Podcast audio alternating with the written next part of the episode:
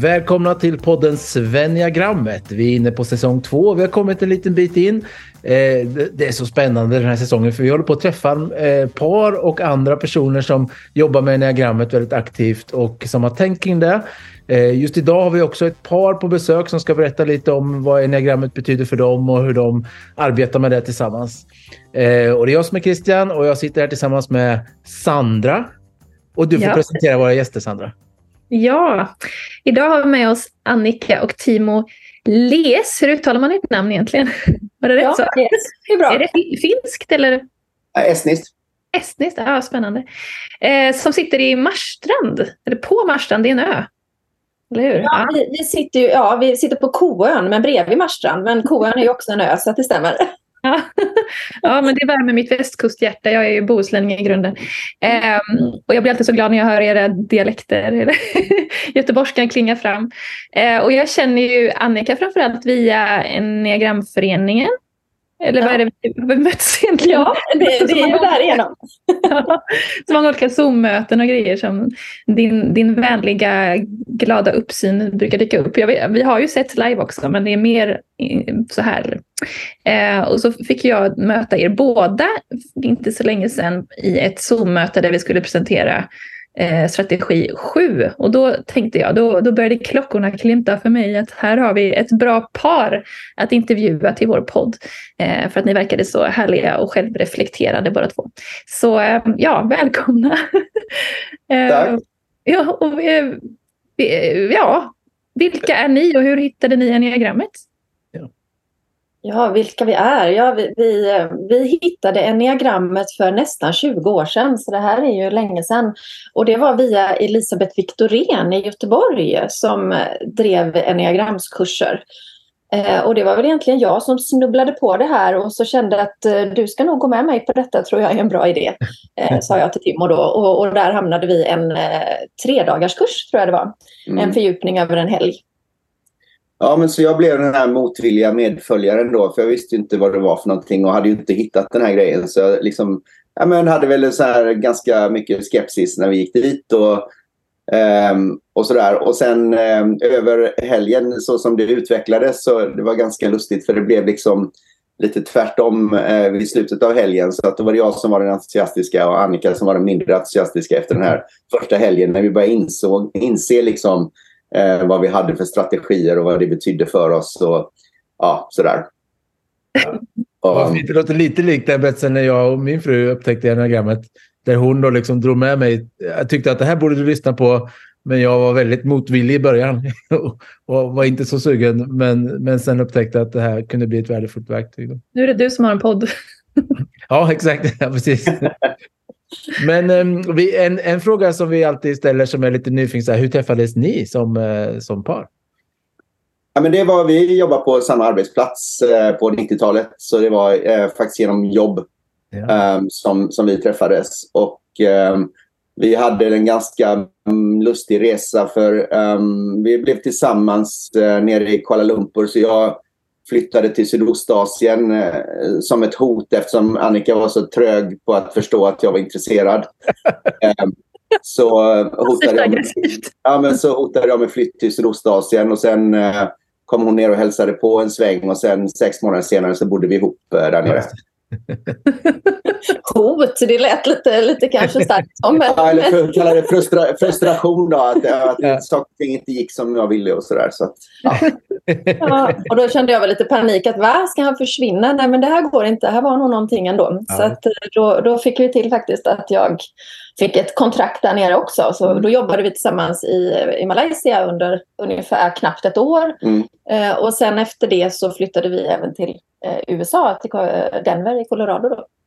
Så vi, vi började ju vår resa så ganska ja, det var entreprenörigt och jag tänker det var sjuans värld jag fick steppa in i lite känns det som. Ja, det. ja, för era strategier är ju då ett för dig Annika och sju för Timo. Ja. Eh, hur, hur kändes det att upptäcka? Du sa att ni, det var lite speciellt där efter den där helgen men eh, ja, vill ni berätta ja, lite men, om det var? Ja men precis, det var ganska intressant faktiskt. För att eh, okej, okay, så jag kommer dit lite så här halvnegativ och så de liksom går igenom modellen och, och liksom pratar om bara ungefär hur de tänker kring det här. Och, Och sen andra dagen så hade de liksom sådana här små grupper. Och så, så tänkte jag så här, ja men, eh, och jag var liksom så här mitt i karriären och tänkte så här, ja men jag måste ju vara trea. liksom, man är ju presterare såklart.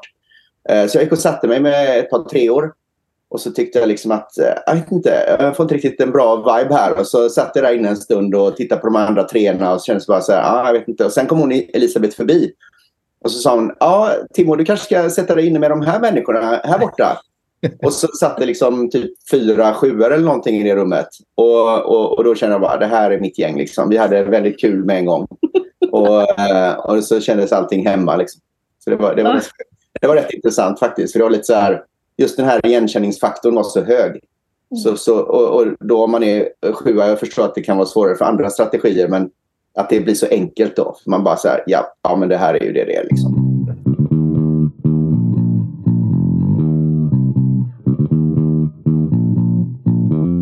Roligt för att vi har haft med Cissi Lyckhoff Bäckman i podden tidigare och hon nämnde just om hur viktigt det är att uppleva enneagrammet live. Att inte bara se varandra så här, läsa böcker eller träffas på Zoom eller sådär utan att verkligen vara i ett rum med andra människor och hur lätt det blir att känna av olika utstrålningar eller vad man ska säga. Mm. Drivkrafterna märks så tydligt när man möter en människa. Så vad, vad kul att du tog just det exemplet och, och sjuor brukar ju bli glada och upptäcka att de är sjuor.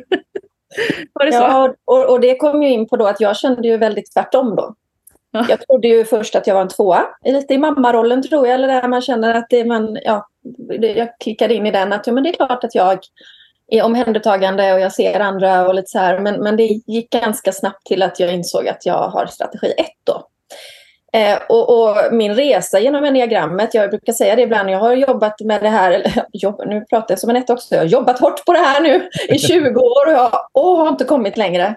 Men, och, och, där tar jag med mig mycket det här att i början så, jag började ju jobba på det här precis i en stenhård etta-strategi med vad är det som är fel på mig, vad är det jag behöver fixa och vad är det jag behöver ändra på. Och frustrationen blev ju otroligt hög när man vet och börjar inse sakerna men ändå fortsätter göra.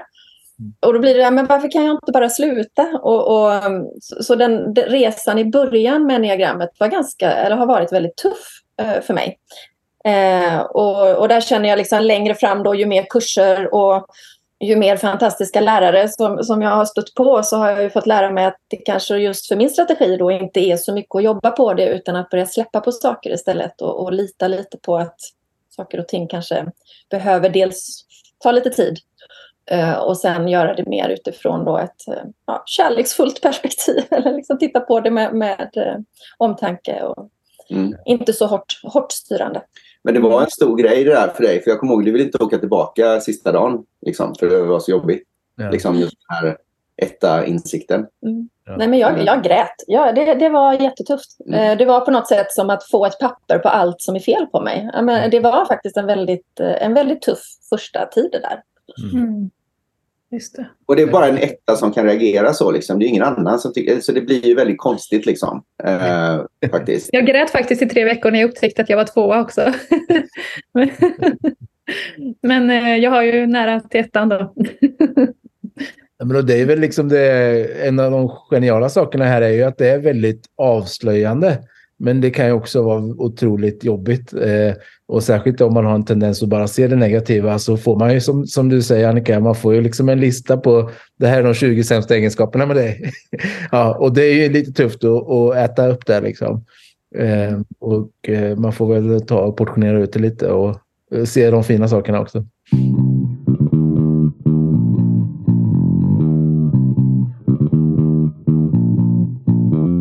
Timo, du som står bredvid, du har sett Annikas utveckling från ett annat perspektiv än vad hon själv kanske är hård mot sig själv. Då.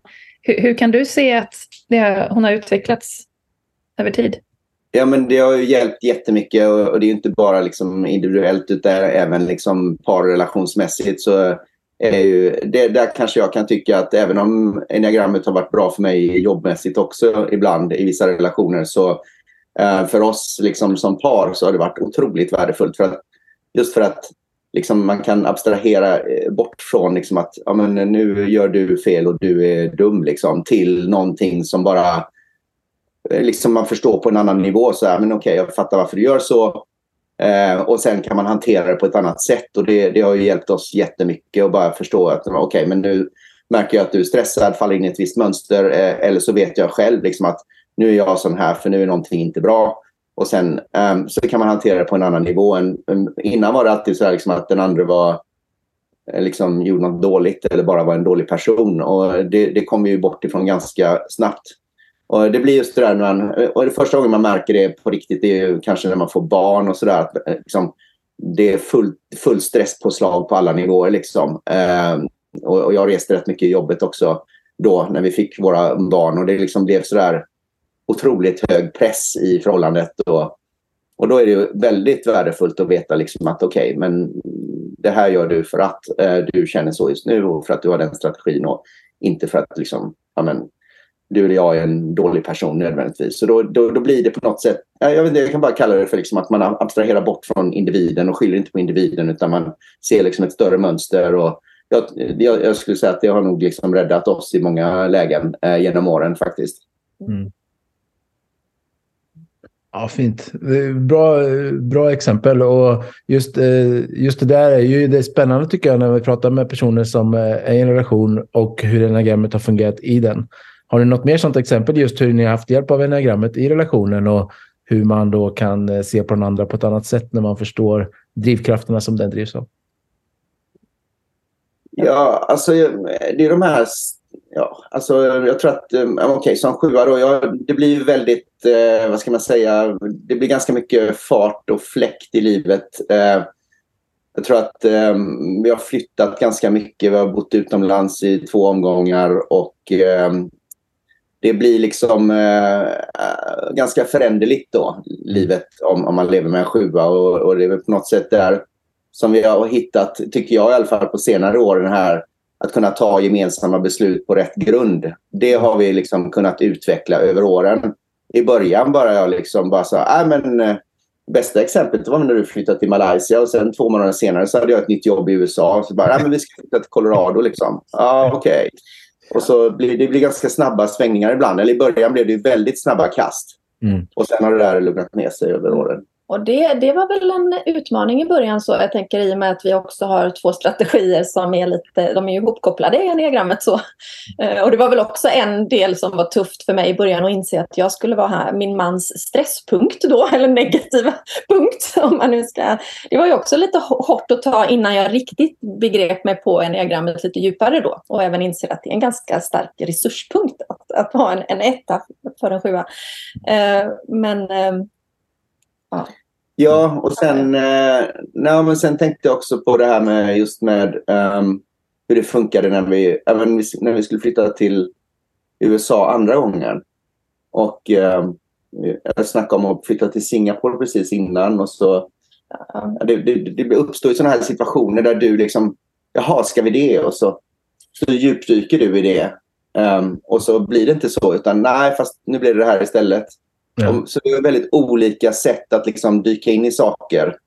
Uh, för att jag jobbar med scenarion och du jobbar med planer och då blir det väldigt olika hur man liksom ang angriper eller hur man liksom mm. hanterar saker. Mm.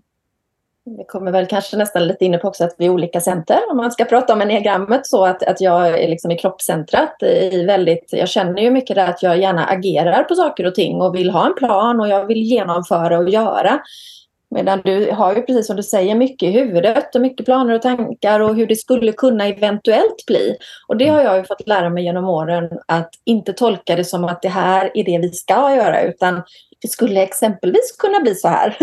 Så, det, så, så jag har slutat att börja agera. Så det var precis det här du tog upp nu med, du, du sa du kom nämligen hem någon dag och sa att Nej, men jag tror att Singapore, jag tror att vi ska flytta dit. Och jag minns hur jag började googla skolor, jag började kolla på vart man skulle kunna bo och vad skulle, det, vad skulle jag kunna jobba med eller göra där. Och jag liksom fullt, la jättemycket energi på det här och, och en två veckor senare kommer du hem, nej men det blir nog Kalifornien istället.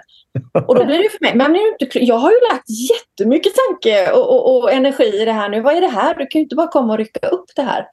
Det kan ju kännas lite, innan man då lär sig att jag får ta det lite lugnare, inte agera direkt och, och se vart det här tar vägen. Mm.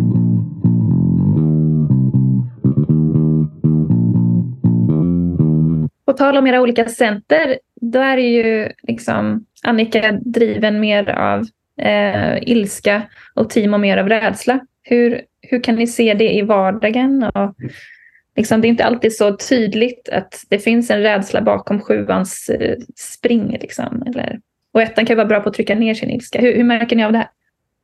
Ja, den ilskan är intressant för min del. För jag har ju länge känt att jag är aldrig arg. Jag har ingen ilska. Eller så det, det, tog ju lång tid att inse att den här, kanske både drivkraften, det är ju det vi pratar mycket om också med, med modellen, så att det finns ju någonting positivt i det här. Och framförallt för ettan att inse att ilskan inte är någonting att vara kanske för rädd för.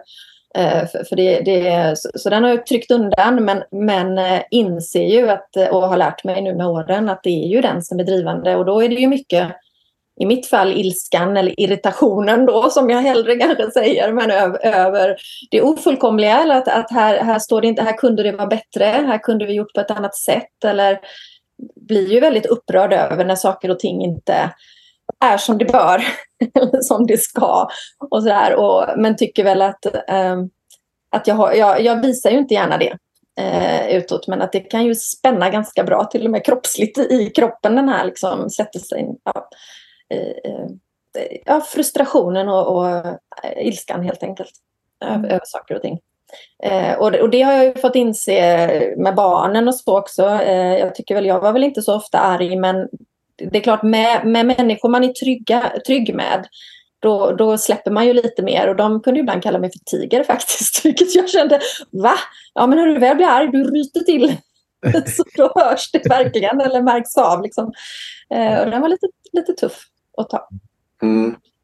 Jag har ju liksom haft svårt med det här med rädslan. Eh, just att liksom känna igen det eftersom liksom genom, genom åren så har jag varit ganska äventyrlig av mig och sådär. Så liksom just även i så sporter och grejer. Liksom att sån här skidåkning och motorcyklar och segling och allt vad det är. Men liksom, sen har jag kanske när, när, liksom under åren när vi har gjort eh, en del av de här eh, workshopparna och sakerna med diagrammet så har det liksom dykt upp ändå så här, ja men okej, men det kanske är därför jag alltid, ja, men jag, jag, tänker på det här med att jag i princip alltid har liksom en plan B eller någon reservplan eller om det inte blir det så blir det det. Så det, hela det där måste ju grunda sig någonstans i att, um, att man aldrig är riktigt trygg i, i bara en enda sak utan man alltid måste ha en reservplan liksom. Och det känns lite som att det är nog det det är. Att, att liksom den här sjua-rädslan på något sätt eh, har lite svårt att bara liksom dyka ner och tro på någonting utan det finns alltid någon väg ut eller sådär. Så det tror jag är det närmaste sättet som jag kan beskriva att sjuan skulle vara driven av rädslan. För det, det står liksom i kontrast till de här äventyrs äventyrssporterna och äventyrslivsstil som, ja, men, som man ändå säger att vi har haft. Liksom.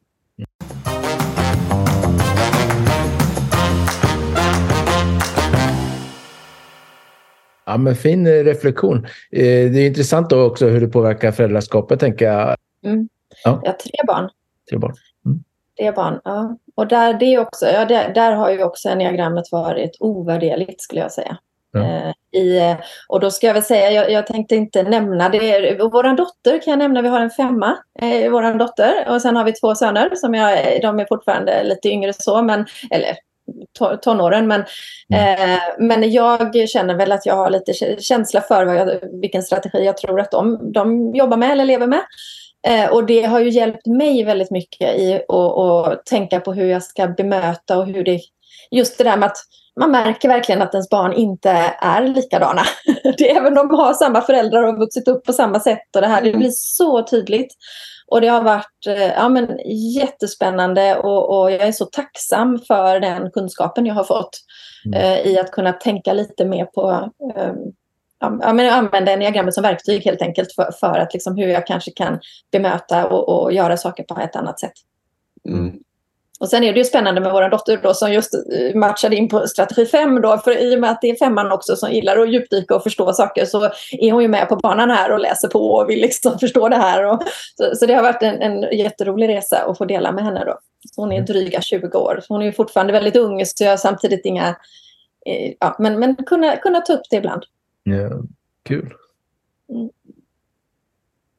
Sen har vi, jag tror att jag menar, sen har de lite olika, de har ju, vi har huvudtyp och kroppstyp och så vidare. Och, så det kan vara så att de representerar varsitt center också. Så det är ganska intressant faktiskt. Så även det spelar nästan ingen roll liksom, i, i slutändan exakt vilken strategi de har.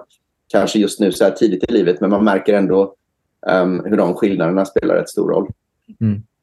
Ja, men man kan snäppa upp, och det, eller snappa upp då de här ja, men lite varningsklockorna. Eller, för det är ju så jag känner att jag själv har lärt mig väldigt mycket genom att arbeta med eller titta, titta på modellen så att man liksom, men här finns ju någonting och så läser man lite och aha, det kanske är det här och man, man börjar liksom leta efter. Och på samma sätt kan man ju känna lite då med barnen eller och med dig och sådär att ja, men det här verkar som att vad är det egentligen liksom under? För det är ju något annat, det är ett beteende som kommer fram men det är någonting annat under som kanske inte riktigt eh, är bra eller kanske inte riktigt, ja. Mm. Så man, man får liksom hjälp i att ja, hjälpa varandra. Mm. För att komma till kärnan på, på vad, vad problemet egentligen är. Då. Mm. Ja, men precis. Och jag, jag, känner också att just i den föräldraskaps... Eh, i, i den rollen så, så har ju det här kan, kan få och redan har en jättestor betydelse, tänker jag. Även om man inte behöver eh, liksom, placera in sina barn så där, så tänker man ett annat sätt kring hur de fungerar och eh, Eh, och också hur man kan bemöta dem så att de eh, får bästa möjliga verktygen för sina liv. Liksom, och sätta ord på sina känslor. Och man hittar liksom bakom beteendet lite vad som, vad som eh, behöver knytas och pratas om. Mm. Ja, överhuvudtaget är det ju det som är det fantastiska med diagrammet, att man blir så medveten mm. om att vi alla är olika. Och, och, och det där att bara få upp ögonen för, det är verkligen, jag, jag brukar prata om liksom man steppar in i nio olika rum på något sätt och ser världen på ett helt annat sätt. Och bara få det här, wow, liksom hur, det kan vara, istället för att vara dummande i vad konstig du är så blir det wow, aha, det kan, det kan liksom vara så här. Och jag tycker bara liksom att titta på det från det, det här nyfikna och um, ja, men också se liksom vad, vad, andra människor kompletterar som jag inte ens är medveten om eller som jag helt kanske försummar mm. men, men kan lära mig av. Då. Så att det, jag tycker allt det där är så, så fint i möte med människor på alla plan. Mm. Jag tycker man känner sig så rik på något sätt. Det känns som att man har fått liksom, man har expanderat så mycket både i hjärta och tanke på något vis. Att, att bara förstå Eh, och kunna låna och liksom så här, ja men nu behöver jag det här och då plockar jag in det. Och så liksom, det är som lifehack, det ultimata lifehacket att kunna enneagrammet på något vis. Ehm, men jag tänkte Timo, får jag cirkulera tillbaka till det här med rädslan? Det kanske är jobbigt att prata om för en sjua. Men ehm, man brukar säga om sjuan att, så här, att jag Eh, i grunden så vill man bli omhändertagen, liksom att man inte litar på det och det är därför man springer vidare eller så. Um, har du någon reflektion att göra kring det?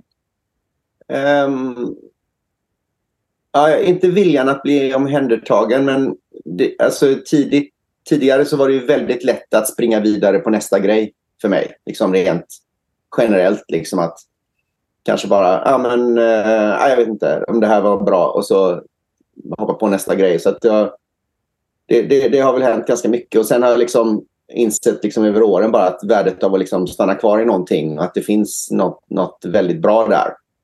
Um, och, och liksom, det är någonting som tog lång tid för mig att förstå.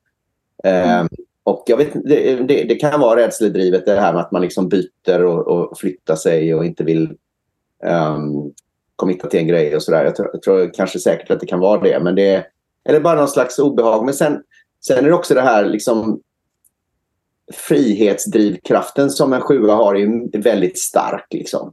Så man kan liksom i princip aldrig ha en chef i någon slags meningsfull bemärkelse. Det går liksom inte. Och man, kan inte ha folk som talar om vad man ska göra. Ehm, kan inte vara begränsad. Känna, känna sig begränsad, ska jag säga.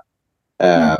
Även om man självklart är begränsad. Men om man känner sig begränsad så är det inte bra.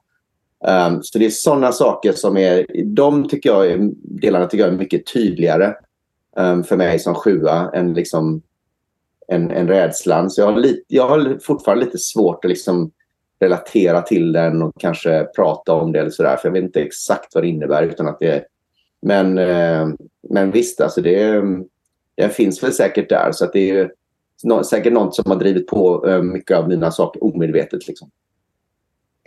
Eh, jag tycker det just sjuan är lite intressant och också en av de svåraste strategierna tycker jag. Just för att det är lite som kvicksilver, att man liksom vill, man vill förstå och så liksom trycka på så här, kan det vara det här? Jag menar generellt och inte med dig. Men, eh, och så blir det så här, den rationaliserande sidan hos sjuan kommer fram och så bara, nej men det där är ju någonting positivt. Eller nej men så där var det ju inte, eller det, det blir så här istället. Att man liksom. Mm. Det går så fort det där liksom att vända på någonting. Ja. Eh, så att man, det är väldigt svårt att komma till kärnan och bara, fast det här är ju ett problem. Kan vi prata om det som ett problem så att vi kan ja. göra något bra av det? Ja, precis. Och det tog ju många år. Alltså det där tar ju många år att, att landa i på något sätt. För den här liksom reframingen, den, den händer automatiskt. Man är inte ens medveten om det. Man bara vänder något jättedåligt till något positivt automatiskt. Och det är så här extremt ohälsosamt. Liksom. För man stannar ju aldrig i det där dåliga. Och, och det, det, blir på något, det tog ju lång tid för mig att fatta liksom, att vad är det jag håller på med. Det. Mm. Ja, och jag vill egentligen flika in, för det där tror jag det har också påverkat mig väldigt eh, mycket. I att jag har ibland haft svårt intellektuellt att kunna förklara varför någonting inte känns bra. Jag har haft den här, och det är ju lite den här magkänslan av här är någonting som inte är bra.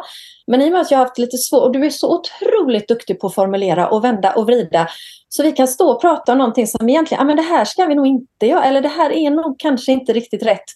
Men jag kan liksom inte få fram det eller få förklarat det. Eh, och du är väldigt duktig på någon övertalningsförmåga där, eller just rent intellektuellt. Så jag, jag har ju, det är också någonting jag har fått lära mig det senaste, att, att det räcker faktiskt att jag bara säger nej. Att, att känna, det är ett nej. Jag kan inte förklara varför. Men någonting i mig, det är den här magkänslan, säger nej. Så jag måste få tid att reflektera över det här. Jag kan inte komma upp med ett svar direkt och sådär. Och, och det har tagit mig eh, ganska lång tid att komma till insikt att det faktiskt är okej okay att bara bara. Och där känner jag, jag sneglar till och med lite här på Christian, jag tänker på nian, där, där jag känner jag, jag tror jag äntligen liksom tar tag i de här nio kunskaperna av att nu står jag still här, sten, du kan inte rubba mig, nu, det här är för viktigt eller den här känslan ska jag stå kvar i. Um, för då kan jag som etta lite snurra upp i huvudet ändå. Liksom, vad är rätt, vad är fel, vad ska jag, vad borde jag? Och säga bara nej, stopp. Nu går vi bara rakt in och lyssnar på den här liksom, mm magkänslan. Så att, eh, där har det varit lite utmaning och samtidigt mm. jättebra övning. och det är en ganska svår process att lära sig det, att stå, stå fast där utan att ha några rationella argument för det. Utan bara, ja men jag känner att det är så här det är. Medan då eventuellt då den andra, i mitt fall en åtta, har massor bra skäl på att vi borde springa vidare på den här bollen. Liksom. Mm. Mm. Nej, det, och det är jättesvårt fortfarande för mig. Det, men eh, jag har hittat en eh, verkligen en styrka där om jag lyckas. Mm. Och jag tyckte det var jättestarkt och berörande det ni berättade nu. Eh, och att det förändrar lite liksom det som man kan missförstå med både ettan och sjuan och som kan vara lite nidbild. Att liksom sjuan kan ses som så, liksom så här, ja, men bara som ekorren som hoppar vidare och som eh, kan gärna upp, upp som nidbilden kan vara att man är lite ytlig liksom. Men det är ju en del av den mentala intelligensen och hjärnan jobbar ju för högtryck och man, många sjuor är ju extremt intellektuella, men det, inte, det kommer inte alltid fram i eh, stereotypa bilder av sjuan. Och att ettan kan vara den som är liksom så läraren och så strikt, men att det är väldigt mycket, som du säger, magkänsla eh, och som man eh, in, inte ska dismissa. liksom. eh, mm. varken vi som möter ettans eh, intuition eller ettan själv. Att, och att, eh, när ettan sätter gränser så kan, kan det ibland komma fram så väldigt strängt och strikt. Men att komma ihåg att men det finns bakom det där så är det ju en, en intuition som är väldigt viktig att lyssna på. Ehm, ja. Mm. Ja, nej, men jag, ja. bara, det var så fint. Och det där är, det där är ju Precis, och då blir det faktiskt lite komplicerat i ett förhållande ibland. För att då blir det så att då måste man dels lyssna in det där liksom nejet. Och ibland så, ibland då om man är entreprenör eller om man liksom, som jag har varit i många år och, och liksom vill bryta igenom någonting. Då, då måste jag göra det ändå ibland. Och då blir det liksom bara att försöka pejla in, okej okay, det där nejet, hur, hur starkt är det förankrat liksom? Och, så, och sen liksom på något sätt hitta, okej okay, det här nejet är ett riktigt nej. Det här nejet tror jag bara är så att det, är, att det har tagit tid att smälta någonting. Och det är två helt olika saker och då liksom så har jag lärt mig över, över åren liksom att okej, okay, den här grejen tror jag vi kör på med ändå. Och så gör man det. Och sen finns det andra nej som är bara, nej men okej, okay, där, där är det stopp. För att det är verkligen, eh, ja men jag vet att det sitter liksom. Wow, det är jättebra. Alltså ni ger så många bra nycklar till eh, strategierna. Alltså, tack så hemskt mycket. Det låter som jag håller på att avsluta. Jag vill bara säga att jag tycker det är så bra. Men sen kan jag säga att etta och sjua är ingen lätt kombination. Jag vet inte om det finns någon lätt kombination i livet på parförhållanden. Men etta och sjua är inte jättelätt för det är, det är ganska olika drivkrafter och ja, sådär. Ja, men de är ju mycket till stor del motsatser. Liksom att ettan bidrar med stadighet och ordning, detalj och noggrannhet och sjuan med spontanitet och energi och nyfikenhet och mer avslappnad inställning. Men det är så spännande tycker jag att ni är liksom ni har den här pilen och har det goda också och låna från varandra. Och hur, hur märker ni av det, att ni är i ytterligheter men har en, liksom, kan låna från varandra? Nej, men jag, har ju, jag har ju lärt mig jättemycket från sjuans strategi, eller från Timo då. Just i att det är min utvecklingsväg och att, att, att ja, men i det här att, att hitta glädjen och att göra saker som man faktiskt vill bara för att man vill det. För att det är roligt. Och det, ja, men det låter så löjligt men, men det är ju ändå en, en utmaning för, för, en, för mig i etta-strategin. Att jag vill göra färdigt först och man ska göra det man ska. Och man, jag har ju lite svårt för att ja, men släppa kontrollen och, och, bara, bara göra utan att riktigt ha en plan kring det. Eller så där. Eh, och där har jag ju fått jättebra stöd i att öva på det. Så att säga. Och det är så underbart. Jag kan ju, ju jättefånigt så, men jag, kan ju, jag har ju många gånger frågat liksom, Timo, kan, är det okej okay om jag gör det här? Eller kan jag åka iväg på det här? Eller är det okej okay, liksom, och han kan titta på mig och säga, jag förstår inte ens varför du frågar, det är väl självklart. Liksom. Och, och samtidigt var det väldigt uppmuntrande också i att göra det, vilket ju har hjälpt mig att, ah, okej, okay, tydligen det, kan man göra det här och bara liksom släppa alla, alla måsten som, som jag tycker man, man borde ha checkat av först. Men, eh, och det har jag ju också då med åren insett att den där listan blir ju aldrig färdig. Så att ska man få något roligt gjort i livet så får man ju sluta bocka på den där listan hela tiden. Mm. Och sen eh, på den här frågan om hur det funkar ihop då, hur det påverkar. Jag tror att när vi möts i det här, liksom hittar den här bra balansen, då kan vi göra väldigt mycket saker väldigt bra väldigt snabbt. Så liksom vissa saker som vi har på något sätt klurat ut hur dynamiken ska funka. Typ som ja, men flyttar och andra saker. Här, vissa saker som är, eller byggen och så grejer som vi har gjort några gånger. Det går otroligt fort och det blir jädrigt bra väldigt snabbt. Alltså. Så vi, vi har liksom hittat något sätt att bara så här, okej, okay, nu ska vi göra det här projektet. Så, så, bam, bam, bam, bam, bam, så händer det bara hundra saker och sen är det klart. Och det, det är för att då, då, har vi liksom hittat den här kombon på hur man använder båda två på bästa möjliga sätt. Um, och det, det, har vi, det märks. Alltså det är liksom...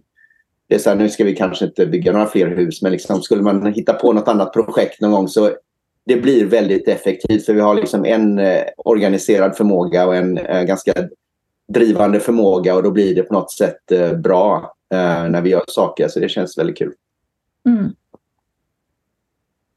Det låter som att ni, ifall ni, vi började i att det kanske var en ganska eh, extra knepig kombination 1 och 7 så låter det som att ni har hittat väldigt bra nycklar för att få en väldigt eh, ja, men, eh, harmonisk och eh, drivande framåt. Bygga hus och flytta och eh, liksom, eh, hantera familj och vardag. Och det låter som att ni har hittat en väldigt bra kombination egentligen. Ja, nej, men och det, där, det där hänger väl ihop med lite ja, med mogenheten, eller vad säger man, eller sin, sin medvetenhet. Liksom hur, när, ju mer vi har jobbat på det och ju mer medvetna vi är om varandra och det här och ju, ju mer mogna då, eller som vi pratar utifrån enneagrammet, så, så, så är det väl mer, det är ju egentligen att ligga lite på samma plan där snarare än kanske vilken strategi man har i grund och botten. För är man väldigt liksom hårt hållen i sin strategi och har svårt att släppa på saker och ting och, och förståelse för andra så då är det ju snarare att det blir gnissel och, och kom, komplikationer kring det eh, mm. än att ha, vara mer öppen och lyhörd. Både för ens egna behov och det, det kan ju jag känna mycket att jag tar ju hand om mig själv så mycket bättre idag. Och då klarar jag ju av Timos helt galna saker ibland ändå, eller den här farten. Och varpå du också känner att du mår ju bra av att stanna upp och vara längre i saker och ting och att det går lite långsammare. Det gör vi båda två. Mm. Så jag tror att vi har ju hittat, ja vi gör saker effektivt och snabbt och bra idag men ändå med en balans i att vi tar hand om oss själva. Mm. Och därför fungerar det. Mm. Ja, där har de här... Vi, alltså, du har ju varit mycket mer aktiv än vad jag har varit. Men jag har liksom hängt med på um, kurser och seminarier kanske ja, men någon gång vartannat, var tredje år sådär. När det hände någonting, någon helg. Och när vi bodde i Kalifornien så var det väl två helgkurser tror jag som vi var iväg på. Um, och sen... Um, ja, och sen nu i somras var vi på ett, ett stort... Uh, ja, konferensen, konferensen i, i San Francisco så det, det, blir på något sätt, jag är ju med fast jag inte är lika aktiv så jag är ändå med på resan och det tror jag är väldigt viktigt för det blir på något sätt Annars hade jag ju liksom för 20 år sedan bara sagt ja, men jag är sjua, vad bra och så var det inget mer med det. Men det är ju liksom, och det kanske är så många uppfattar enneagrammet. Man kan lika gärna använda den modellen som en ursäkt, som ett utvecklingsverktyg. Ja. Äh, och, och då blir det liksom väldigt eh, svårt eh, om den ena drar iväg och så den andra liksom släppt på något sätt. Och då, ja, då tror jag det är väldigt krångligt. Nej, men precis, och det är det som jag tycker enagrammet är lite unikt i att man har en väldigt härlig verktygslåda att jobba med. Eh, att man inte fastnar i en låda och säger jag är ju det här och sen så ska man plötsligt börja styra sitt liv efter att vara en färg eller någonting. Eh, det här är ju mm. mer eh, kon konstruktivt skulle jag säga och mer verktygslåda. Jag är lite intresserad av instinkter också. Vi har pratat om det ett par avsnitt här nu och eh, för mig är ju det, jag har liksom bara precis börjat gräva lite i det. Men hur, vilka instinkter har ni och hur påverkar det er relation, tror ni? Jag är ju en självbevarande etta, så jag är en dubbeletta kan man säga då. men, ja, men då. Så det är ju, eh, den påverkar ju starkt. Hur märker du av det i vardagen? Uh, ja, men jag har ju mycket fokus på, det, det, det, ibland, det, det har du pratat om innan Sandra också, sådär, det, det är svårt ibland att veta vad som är ettan och vad som är instinkten där. Men, men jag har ju väldigt mycket driv kring uh, ja, men trygghet kring uh, kanske inte så mycket. Jag vet att man ibland säger om man är, har självbevarande instinkten att det är mycket träning och kost och, och liksom de här delarna. Just där kände jag inte, har jag nog lite svårare för faktiskt. Men däremot eh, ligger istället för, för mig då kring lite oro kring ekonomi. Jag vill gärna ha liksom, ordning och reda kring de delarna. Och, och, och skulle vi till exempel, re, eller, och hemmet här hemma, vi har ju byggt hus eh, flera gånger och flyttat mycket och så, att det är väldigt mycket fokus på att få ordning och reda i mitt hem, att jag känner mig trygg, att här, här finns mina saker, här fungerar det som det ska och jag, jag känner att jag har någonstans att liksom komma hem till. Eh, det är samma även om vi är ute och reser och sådär. Att jag, det första jag gör är att hänga upp mina grejer, jag packar upp min väska. Jag, jag, jag gör mig lite hemmastad på hotellrummet sådär. Det är det första. Sen kan jag titta ut och se vart vi har hamnat eller vart vi är någonstans. Mm. Eh, så, så, det är mycket fokus kring, eh, kring det här liksom, ja, fysiska tryggheten på något sätt. Mm. Ja, nej, jag har väl, vad heter det, ja men det är väl uh, one, uh, sexuell instinkt heter det väl på ja, svenska. In, intim eller intim. sexuell, ja. Jag kallar det sexual på engelska eller one-on-one. Um, ehm, ja, och det är väl, um, ja men jag kan liksom relatera till det utifrån ett par olika, dels då vad jag inte är då, men liksom inte social och inte självbevarande på, på samma sätt. Och då, um, och då kan jag tycka att, för den här sjua bilden att sjuan ska vara liksom den roliga och, och stå i centrum och sådär. Jag har aldrig riktigt känt igen mig i det utan jag har mer känt igen mig i de här andra liksom lite mer äventyrliga och lite mer liksom att eh, frihet är viktigt och de, de delarna. Jag har inte känt igen mig i det här med att liksom sjuan är kul och står i centrum-bilden. Och det kanske är den här att jag är ingen social sjua liksom utan, eh, utan en intim sjua. Det det märker man också genom hur, hur jag gillar att umgås. Liksom. Att jag tycker det är roligt att umgås med en till två, max tre personer. Det tycker jag är, det känns bra. Liksom. Att om man har ett, ett, liksom ett intressant umgänge med en till två pers, då, då tycker jag det är super. Um, är det 10-15 så är det liksom inte min grej helt plötsligt. Så det blir ganska tydligt om man bara är medveten om det och tänker efter. Så här, men vad är det jag gillar egentligen? Och så är det så här, ja men okej, okay, jag tycker mindre, mindre träff med några få människor är mycket mer är, är bättre. Liksom. Och sen, ehm, Ja, nej, men social, och det har bara räckt att vara på de här konferenserna och träffa andra sociala, um, oavsett nästan om man säger sociala huvudtyper då. Så märker jag bara att nej, men det där är inte jag. Liksom. Jag drivs inte av det där alls. Um, och sen uh, och självbevarande delen vet jag inte riktigt. Det måste, den är väl blind då antagligen. Nej, den ligger, nej, den ligger väl lite i mitten så skulle jag säga. Den, okay. ja, den kanske fungerar okej. Okay. Ja, okay. ja. Ja, du sitter ju inte här och dömer jag är inte nu va? nej, precis. Um, nej, men så att uh, instinkten är väl lite svårare, förutom den som man leder, men den är väl ändå på något sätt ganska tydlig kan jag tycka. Men du, Annika, du trodde att Timo var social repressed. Och vad, ja. vad är du själv för repressed eller blind? Uh, intim uh, blind då, har, mm. har jag. Eh, så ja, nej, men det har väl tagit lite tid att liksom förstå. Jag tycker de är, det är svårt med instinkterna och det tar lite tid. Man får verkligen tänka till. Eh, men, men som med allt annat med enneagrammet, att bara just börja läsa och förstå vad är det och börja reflektera över hur man faktiskt agerar och vad det är som, som hur, hur det blir i livet och sådär. Så, så är det ju jättespännande och också gör gör ju att man får upp en medvetenhet och kan, faktiskt kan börja balansera det lite mer. Eh, så att, eh, nej men och jag vet inte, det var någon, någon gång som förklarade för mig just med den kanske då intima instinkten att det här och lite attraktionsförmåga eller attraktion, eh, det här kanske ta på sig ett rött läppstift, ta på sig på högklackade skor och få, men lite sånt där. Och jag skrattade så när någon sa det, för jag vet inte hur många gånger jag tar på mig ett läppstift och sen torkar jag av det precis när jag går ut genom dörren. Jag har sex par högklackade skor. Jag kommer inte ihåg när jag använder dem. de står i garderoben. Men det är, det är ju sån här, bara som ett exempel. Men, men, eh, så det finns lite att jobba på där. Och jag, jag, vi brukar också skoja lite om eh, när du...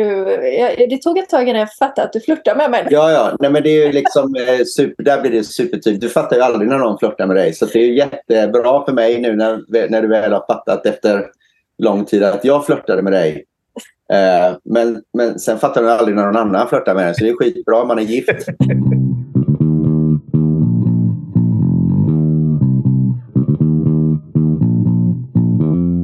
Men ni nämner det här ibland att ni har varit utomlands och varit på olika eh, konferenser och sådär. Och eh, är det någon särskild, liksom, har något att nämna där om hur enneagrammet fungerar internationellt och om det är någon särskild skola eller lärare som ni håller er till? Så där? För enneagrammet är ju väldigt stort och brett och mm. Så. men vi, jag började ju som sagt, min, min, eller vår väg då var ju Elisabeth Victorén här i Göteborg, men, men sen bodde vi ju i Kalifornien under många år. Och jag är så tacksam över att jag där sprang på då the narrative tradition. Eh, som, och det är där jag uh, håller på fortfarande och, och utbildar mig och går kurser och, och certifierar mig och så. Så, att, uh, så det var i Kalifornien och de har även ett säte i England. Så nu har jag fortsatt efter jag flyttade hem då och går mycket kurser för dem i England. Helt fantastiskt. Och de... Vad betyder the narrative tradition för de som är nya för enneagrammet?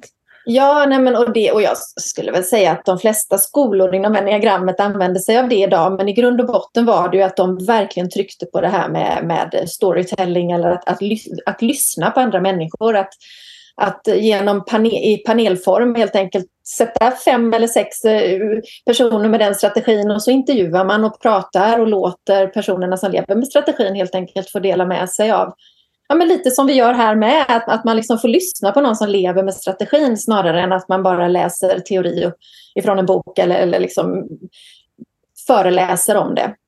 Så, att, så att det är mm. mycket fokus på hur, hur ställer man frågor och hur liksom får man personer att dela eh, för att knyta an det till modellen. Då.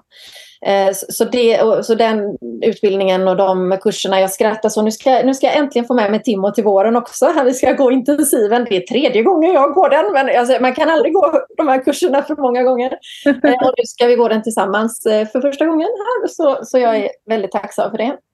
Ja, och det, nej men det är verkligen så. Särskilt kanske om man är huvudtyp och sådär. Att, liksom, um, att, att försöka göra den här resan tillsammans med andra människor. Det, det, är verkligen, det går inte att läsa sig till en sån här grej. För det handlar verkligen om, om hur människor är. Och eh, eftersom människor är så olika um, så är det faktiskt ganska, det blir rätt komplicerat liksom, att identifiera vad är det som händer här och varför. Och, vad är, och, och då kan jag tycka att de här, när man har suttit, när vi har varit, de här Kalifornien um, seminarierna som vi var på, mycket av det, det var ju Alltså det var ju folk som har hållit på med det här i, jag vet inte, 30-40 år liksom. Så de var ju väldigt så här landade i hela liksom enneagramsmodellen och de här på den här första workshopen vi gick på de här två gamla damer på 75 år uppe i Palo Alto. Um, i, um, där, där var det liksom så här, så blir man så där, ja, men fördomsfull. Liksom. Okej, nu kommer två gamla tanter här och ska prata om något. Liksom. Och sen efter den här helgkursen var så här, men de var ju helt magiskt duktiga. Liksom. Det var ju, alltså de, de, de lyckades, lyckades liksom få fram saker som man bara, Äh, shit, det här var liksom, det kändes bara som det var fullkomligt next level. Och, och då kommer man ändå in negativ från början. Och, då, då inser man liksom att um, det här, de här har hållit på med det här länge och de, de vet vad de pratar om och de har hittat sätt att få fram liksom, övningar och få folk att liksom verkligen landa i vad de är och förstå andra och sen interagera med varandra i de här workshopparna som gjorde att man började verkligen liksom de här liksom skillnaderna började liksom landa i en själv verkligen så här fundamentalt kändes liksom som okej, okay, nu fattar jag. Mm. Och det gör man inte om man bara läser. Man måste träffa andra människor ganska mycket liksom, för att, för att liksom förstå.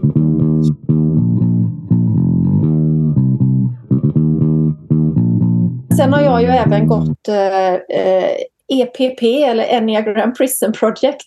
Ja, det här är jag så nyfiken på. Jag tycker det är så bra. Ja, Eh, och det är ju Susan eh, Olesek eh, som grundade det här i, ja, vad var det, 2009 någon gång började hon eh, med att ta in enneagrammet på fängelser i eh, Kalifornien.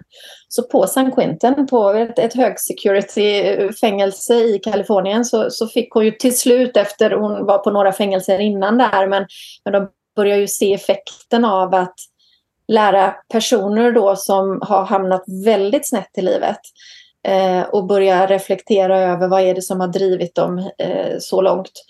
Eh, och hur det har kunnat bli så här, så här tokigt helt enkelt. Och, och hur de ser då att eh, då driver hon liksom mellan 12 till 20 veckors kurser på, på anstalten.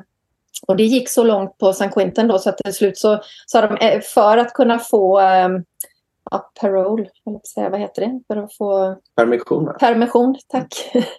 Så, så la de in det som en, för att få komma upp för permission så vill de att du går kursen liksom. Och, så, så, så jag vet att den, eh, ja, eh, gav fantastiska resultat och jag, jag hörde lite siffror kring det också att typ, liksom återfallet inom tre år för, för fångar var så högt som 60-70 procent innan är, alltså, är många tillbaka innanför gallret igen eh, och efter att de har gått kursen och det här så var det nere på runt en 20 procent. Alltså det var en, helt fantastisk eh, påverkan då av, mm. av eh, eh av att, att ja, men, fått självinsikt och kanske också lite kunna förlåta sig själv i hur det har gått så galet. Och man mm. kunde peka lite på att man har inte fått det stöd man har behövt kanske under livet framför allt. Och, så, och få mer förståelse kring det helt enkelt. Jag, jag har varit på några sådana också eh, Zoom-möten kring Enneagram Prison Project och jag tycker det är otroligt fin och så här nådefull eh, vad ska man säga, alltså hela stämningen kring det är så fin. På de här Zoom-mötena som jag har varit på med Diagram Prison Project så brukar de ta upp någon sån här fråga som What is right with you? eller något sånt där. Um, så att de här människorna som ofta har eh, bara hört från de föddes, liksom, det här är du är fel, eller, och, och verkligen känner att deras liv har gått så snett. Och det är ju människor från alla strategier och det är det som också är intressant att se hur, hur blir en, en tvåa i mitt fall liksom, när det är riktigt illa och man begår mord liksom och så mm. Eh, men att man får vända på det så här, vad, vad, är det som är bra med dig? Och, så här, och till slut att man säger så här, ja, men jag, jag ser någonting fint i spegeln liksom, eller så. Eh, ja, jag hoppas vi kan få det till Sverige. Mm. Ja, nej men och, det, och framförallt i USA har de ju en annan fängelsekultur tänker jag som är ytterligare brutal eller, eller, faktiskt inte så, så bra. Så där har det ju verkligen, eh, ja, där behövs det ju verkligen. Men, eh, men givetvis som du säger, det hade varit en dröm. Lite har vi ju försökt eller börjat liksom krafsa lite här i Sverige och se om man skulle kunna få hit det. Men eh, ja, vi, vi får se. Det känns som en ganska lång resa. Men, men precis som du säger, vad jag älskar med Susan och hennes liksom hela, hela projektet där är att deras fokus är what is right about you det är liksom, man tittar på verkligen på gåvorna och man tittar på vad, vad är grund och botten och så bygger vi från det. Eh, och det tycker jag allmänt med med diagrammet och min egna resa. Att när jag väl började liksom sluta fokusera på allt som är fel och försöka sluta göra det och istället börja fokusera på men vad har jag faktiskt för gåvor och styrkor och försöka balansera dem så inte liksom överkompensera för det är det vi lätt gör med då att, att vi liksom miss, missbrukar våra gåvor lite för vi, vi trycker lite för hårt på det sådär. Men att man liksom lär sig att nej, men det här är ju faktiskt, om det verkligen genuint kommer från hjärtat och drivs från, av, av rätt drivkraft liksom, så, är det här, så har jag ju verkligen gåvor att bidra med. Eh, och låt mig fokusera på det eh, så faller det där andra bort liksom, lite mer av sig självt, tänker jag. Det, blir sådär, det är så um, mäktigt. Mm. Eh, så jag blir lite rörd när jag tänker på det. Ja, men det, det har varit väldigt starka mm, Zoom-möten när de har själva fått berätta sin historia. Ja. Eh, att man blir så otroligt gripen av.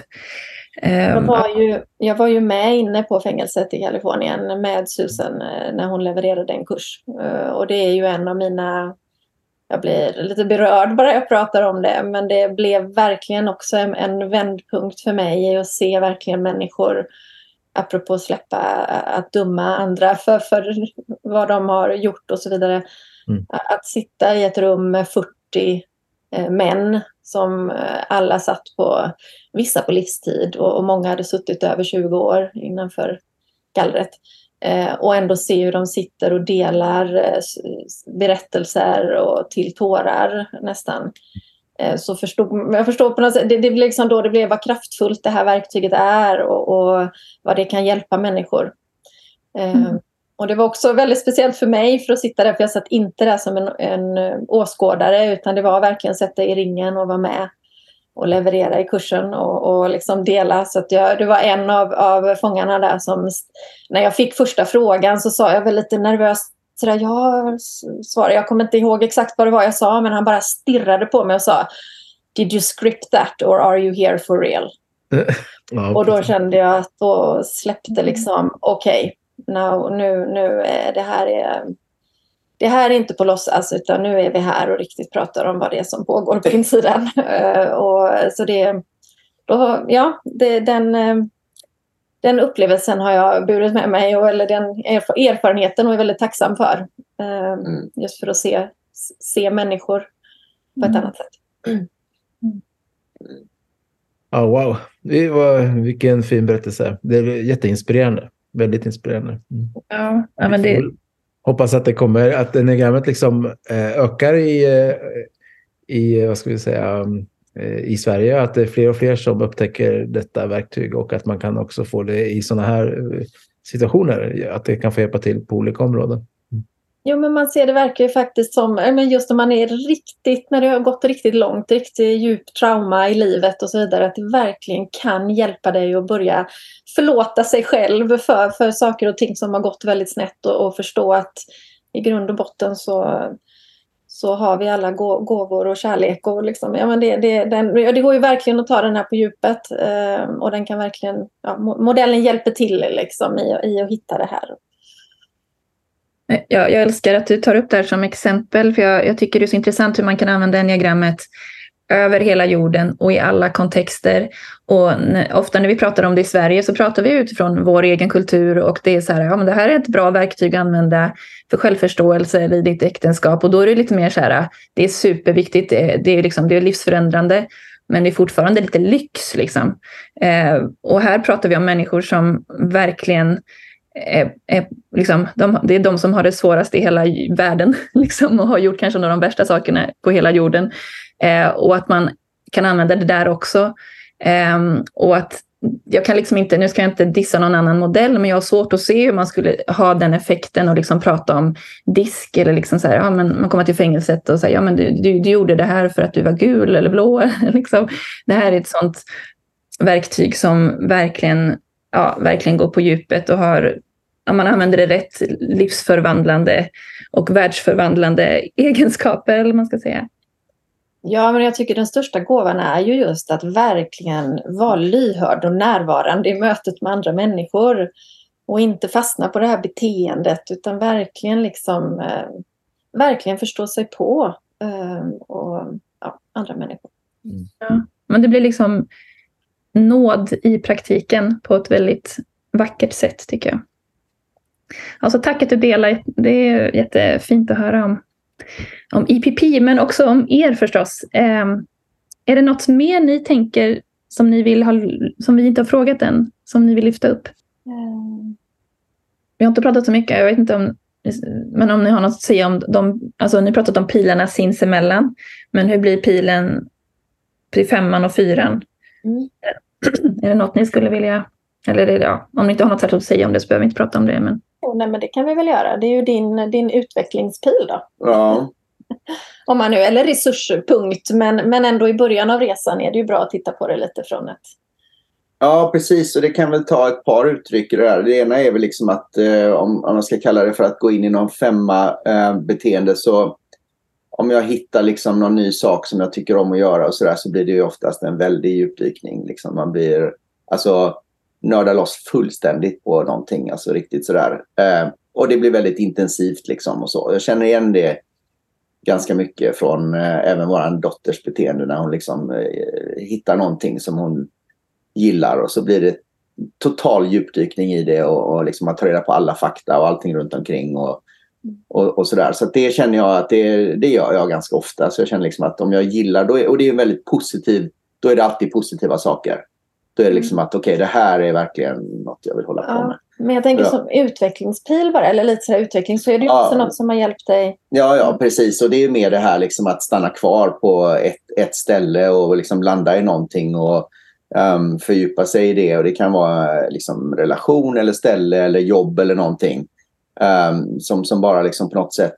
Det finns någonting väldigt positivt där. Liksom istället för att bli, om man tar tvärtom då, att bli väldigt så här flackande med åtta parallella planer och väldigt stressad etta eh, planering, detaljplanera allt, sju scenarion. Det är ju inte ett konstruktivt eller bra beteende. Och, och så jag, för mig är de där pilarna ganska...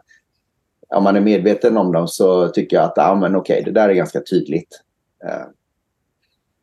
Mm. Ja, nej, jag och jag har ju, har ju då men sjua pilen som vi har pratat om och sen har jag ju fyra, eh, min pil till fyran. Och det jag kan känna igen mig i där är väl lite när, när det blir för mycket. Och jag, för det är ju lite min... Eh, jag kan ju hitta varningsklockor där då, eller så jag väljer att titta på det samtidigt som jag också har hittat så mycket resurser och, och som har hjälpt mig, min älskade fyra pil. Men, men i början var det ju, hjälpte det mig att titta på, men vad är det som händer? Liksom, vad, vad har jag för, för saker som, som liksom kickar in när jag är på väg åt fel håll? Och då kan det ju mycket vara det här att jag känner mig faktiskt väldigt det är bara jag i hela världen som måste axla det här eller det, allt liksom ligger på mig och, och, och, och jag, får liksom, jag, jag, känner mig till och med lite utanför allting som pågår och jag drar mig undan lite och, och känner faktiskt det här svarta hålet ibland brukar jag säga, eller att det kan kännas väldigt jobbiga, tunga känslor. Eh, vilket jag sen har, har också jobbat med att försöka se något positivt i det. Men, men det, är, det är framförallt, eh, tycker jag, ett bra sätt att jobba med det är just att börja leta efter vad är det för liksom varningsklockor. Um, och då, då, då, kan det vara sådär, jag är ensam i hela världen för det, det, är bara jag som ser allting som behöver göras. Eller och jag jobbar ju så jag håller på att gå sönder här och, och, det finns och ändå kan man tydligen ha lite kul här ute i världen och bara göra så, liksom, ta allting väldigt lättsamt och, och, känna att det är ingen annan som, som ser allvaret här. Eller, eh, och jag kan väl bli ganska ja, men känslomässigt kan det bli väldigt tungt. Ja, till exempel som nu kan jag, har jag svårt att ha på nyheterna varje dag på grund av hur världen ser ut och allt, allt som händer och sker. Att jag kan känna både ilskan som sätter in att nu får det vara nog. Liksom. Jag kan nästan känna nu jag smäller snart näven i bordet, nu får vi lägga av. Nu får vi liksom göra någonting här. Men så inser man det är så stora saker så jag kan ju personligen inte just i alla fall idag med ett agerande ändra på någonting. Och, och då det kan kännas ganska smärtsamt och jobbigt att bära. Då är det lättare att stänga av nyheterna och inte eh, lyssna varje dag på dem.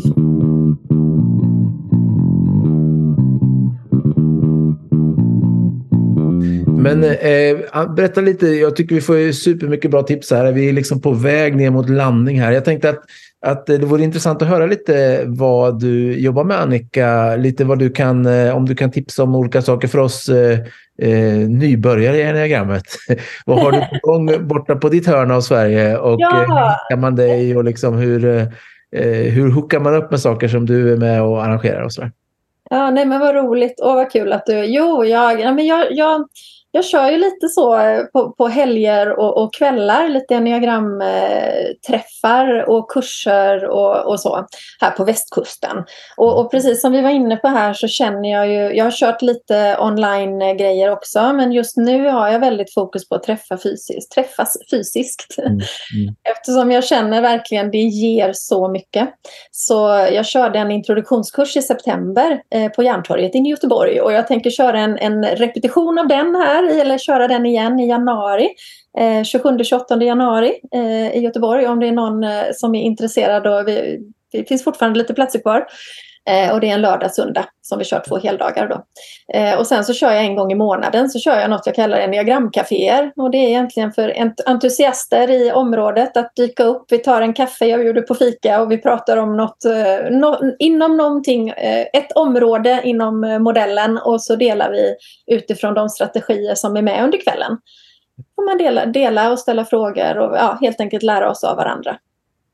Och är, det på Marstrand eller Göteborg? Eller var är det? Nej, det är idag också Järntorget, på Järntorget i lokal eh, centralt inne i Göteborg. Mm. Eh, min dröm är på sikt att, kunna hålla kurser här ute i Marstrand, men vi är inte där än. och jag bodde på Järntorget för eh, 13 år sedan. Tänk om jag hade ah. kunnat gå i café hos dig, vad mysigt det hade varit. ja, men det är ändå en liten knutpunkt så att kunna liksom ta sig in till så på torsdagskvällar. Så, så jag, jag kör en liten, The Enneagram Life kallar jag mig. Så jag, jag har lite grejer som jag, jag lägger ut på min hemsida och så. Så det är ja, bara att kontakta ja. mig. Om ni är i Göteborgsområdet så är jag ju jätteglad att, att få fler. Vi behöver sprida det. det. Det är väl min drivkraft i det hela. Bara, så därför var jag så glad när jag fick frågan att, att vara med på det här. Att, att, att bara försöka sprida medvetenheten kring, kring modellen och, och mm. Eh, ja. Mm. Ja, och du gör det så bra och jag är så tacksam att du finns och att vi är flera som verkar från olika håll på olika sätt. Mm. Men som avslutning så tänkte vi att ni skulle få boosta varandra lite grann. Vad, vad är det ni är tacksamma för och, och med varandras strategier och vad är det ni bidrar med tycker ni? Ja, ja för mig är det, det handlar väldigt mycket om att jag har fått hjälp med att hitta balans i livet. För det var väldigt svårt för mig innan. Um, jag gjorde alltid den nästa mest äventyrliga eller roligaste eller spännande saken jämt i alla lägen.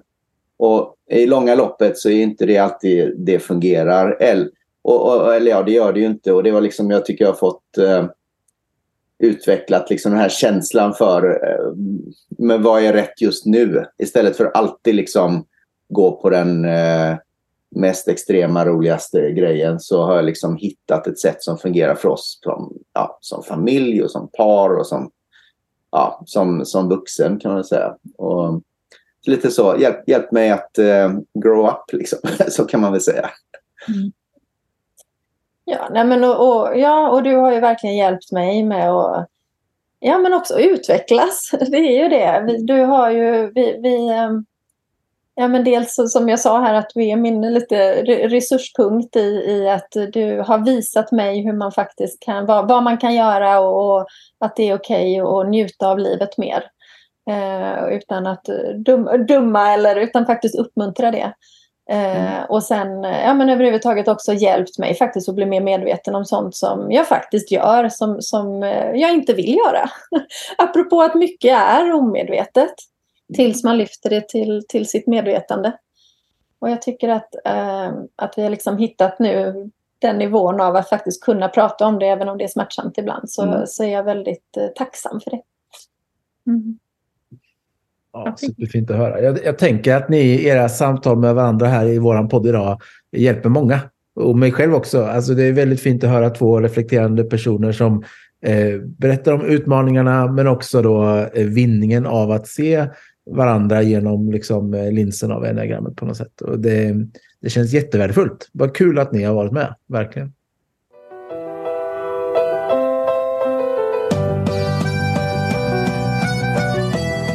Det är dags för veckans spaning och jag har marinerats i The Office, den amerikanska versionen.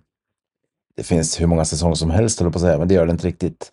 Eh, men det är en fantastiskt rolig. För er som inte vet om den så egentligen en, startade i, i ehm, England Eh, han Ricky Gervais gjorde en The Office som också var fantastisk, men det är bara en eller två säsonger. Och sen så gjordes en, en amerikansk version och den har pågått i kanske tio säsonger.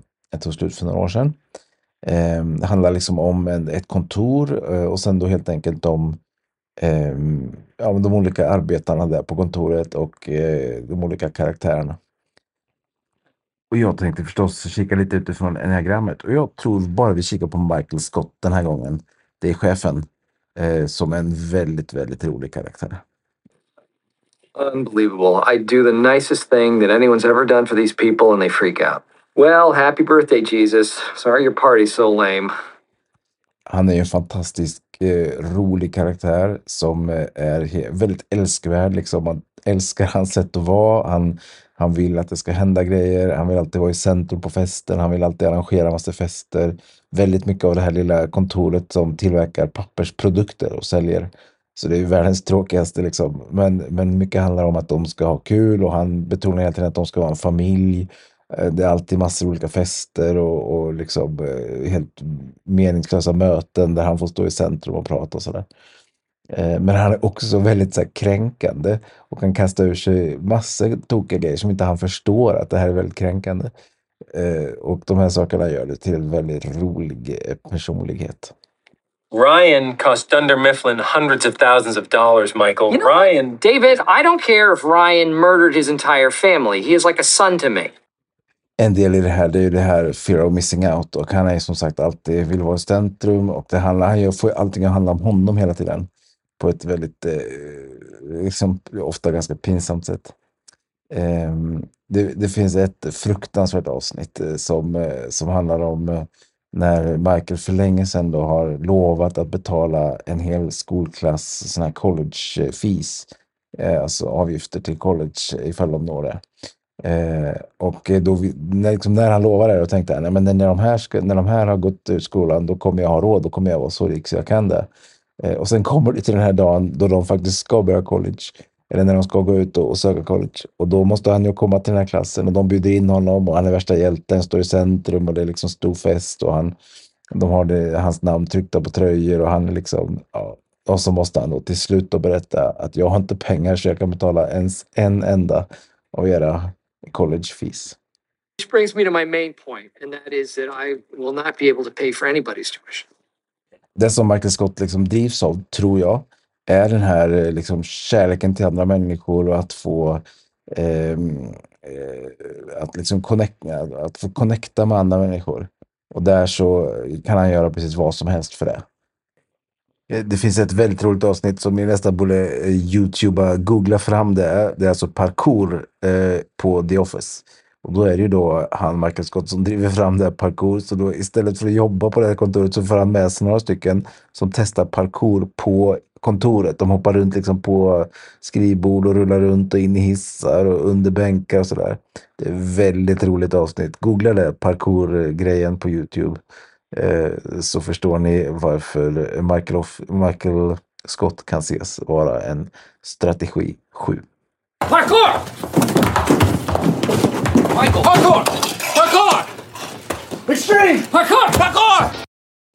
Det finns många andra eh, fantastiska karaktärer på eh, det här officet, det här kontoret. En ny Pam Beasley och vi ska inte prata om henne nu. Jag skulle bara eh, skicka med ett, ett citat från henne. Eh, så kan ni lyssna på det och så kan ni själva fundera på vem, vilken strategi skulle det här kunna vara? hate the idea that someone out there hates me. I even hate thinking that Al-Qaida hates me. I think if they got to know me, they wouldn't hate me. Yes, men då eh, tror jag vi nöjer oss där för den här gången. Vi kanske återkommer till The Office framöver. Nu vill jag bara säga tack för att ni har lyssnat på veckans avsnitt av Svenniagrammet. Och eh, stay tuned, så nästa vecka kommer ett nytt avsnitt och det blir sista avsnittet för säsongen. Ha det bra där ute och tack för att ni lyssnar på oss. Tack och hej!